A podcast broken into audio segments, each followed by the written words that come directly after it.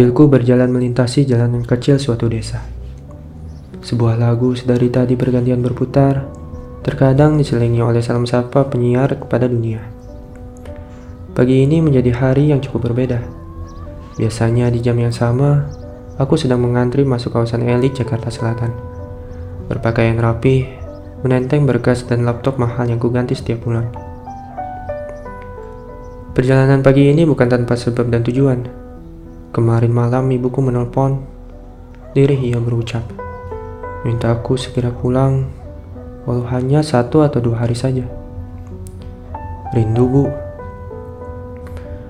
Bukan hanya rindu, ia membutuhkanku kali ini. Papa udah gak sakit lagi, Dit. Tadi pagi, Papa meninggal. Siang tadi juga udah dikuburin.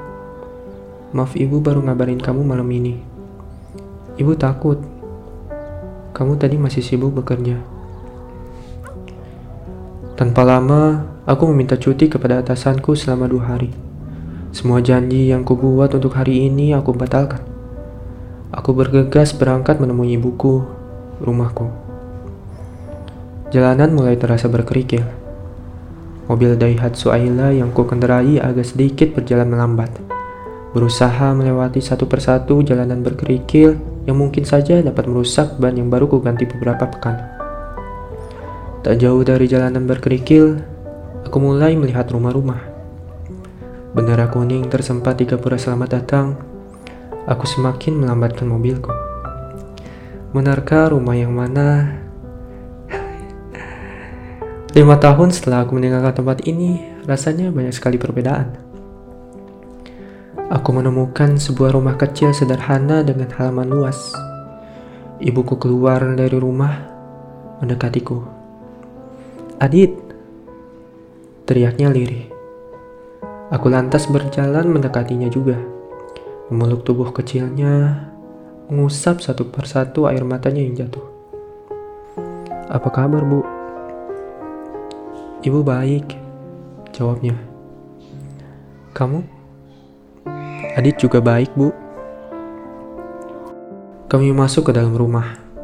Aku berusaha menahan sesuatu yang kini sedang berusaha menyeruak keluar. Aku melihat ibuku, berusaha tersenyum, menutupi rasa sedih, rasa rindu, rasa bangga, rasa kecewa dalam satu raut muka yang sama. Aku tahu, aku melakukan kesalahan besar selama lima tahun ini. Ibu, maafin Adit ya. Kalimat itu keluar dengan spontan.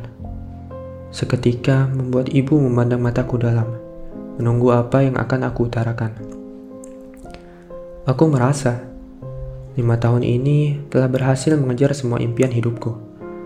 Tinggal di kota, menjadi bisnis konsultan, memiliki banyak aset investasi, seorang calon istri yang cantik dan baik, bisnis kuliner maupun fashion, mobil bervariasi dari harian hingga hobi, Aku sudah mencapai semua yang aku mau. Tapi selama lima tahun itu, aku tidak pernah bertanya, apakah ini yang Bapak Ibu mau? Semenjak aku izin meninggalkan desa, Bapak yang paling menentang aku tinggal di kota. Ia tahu perihal mimpiku, dan ia tentu akan sangat setuju. Namun, kalau aku pergi, ia sedang kewalahan mengurus perkebunan teh yang ia kelola. Ia berharap aku bisa mulai bisnisku dengan menjadi seorang pengusaha teh yang bisa meningkatkan usaha keluarga kita. Namun, saat itu aku tetap pergi. Karena aku berpikir bahwa toh jika aku berhasil, bapak dan ibu juga akan senang. Aku tidak pernah tahu setelahnya. Apa yang bapak rasakan setelah aku berbicara kepadanya demikian. Aku hanya lanjut bekerja, menemui klien, mengikuti pesta-pesta, melihat bintang cahaya di atas langit ibu kota. Namun, mungkin bapakku melihat suatu titik gelap dan hampa atas kekecewaan dalam kepada anak semata wayangnya. Aku udah ngecewain bapak dan ibu. Harusnya aku nggak pergi lima tahun yang lalu. Tanpa sadar mataku kian basah. Membendung rasa sedih yang tertahan selama lima tahun berjalan sudah. Ibuku berjalan mendekat. Kini ia duduk di sampingku, memeluk tubuhku. Ibu kecewa. Bapak juga kecewa, Dit. Tapi itu lima tahun yang lalu. Setelah ibu lihat kamu sekarang, semua rasa kecewa itu hilang. Ucap ibu lembut. Ibu terus melanjutkan kalimatnya, membuatku semakin terhanyak, menangis menjadi-jadi, seolah anak kecil yang baru saja pulang ke rumah. Semua rasa rindu, kecewa dan takut pecah di saat yang sama. Nak, sejauh apa pun kamu pergi, pada akhirnya ini bakal terus jadi rumah kamu. Kamu boleh kapan pun pulang dan pergi. Rumahnya gak akan hilang. Tapi jangan pernah lupain rumahnya. Jangan egois sama apa yang hanya kamu mau saja. Ke depannya, kamu juga akan berkeluarga. Ada istri dan anak kamu. Hidup gak berputar hanya untuk diri kita saja, tapi juga untuk orang lain di sekitar kita ke mata hati kamu lebih peka. Isi apa yang kamu bisa isi dari apa yang kelak mereka butuhin ya. Ibu menatap mataku dalam. Aku memeluknya erat, seolah rasa egois ini melumat hati dan pikiranku. Sejatinya aku tetap memiliki kepedulian besar kepadanya. Lima tahun telah berlalu. Aku kini berusaha membayar apa yang telah aku tinggalkan. Rasa bahagia dan bersama yang mungkin sempat hilang. Masih ada waktu. Setidaknya membuat ibu bahagia di sisa waktu yang ada. Pak, maafin Adit ya. Adit bakal jagain ibu. Adit bakal bahagiain ibu. Perkebunan yang Bapak jual beberapa bulan yang lalu bakal Adit beli dan kelola ya, Pak. Adit, sayang Bapak. Adit, sayang Ibu.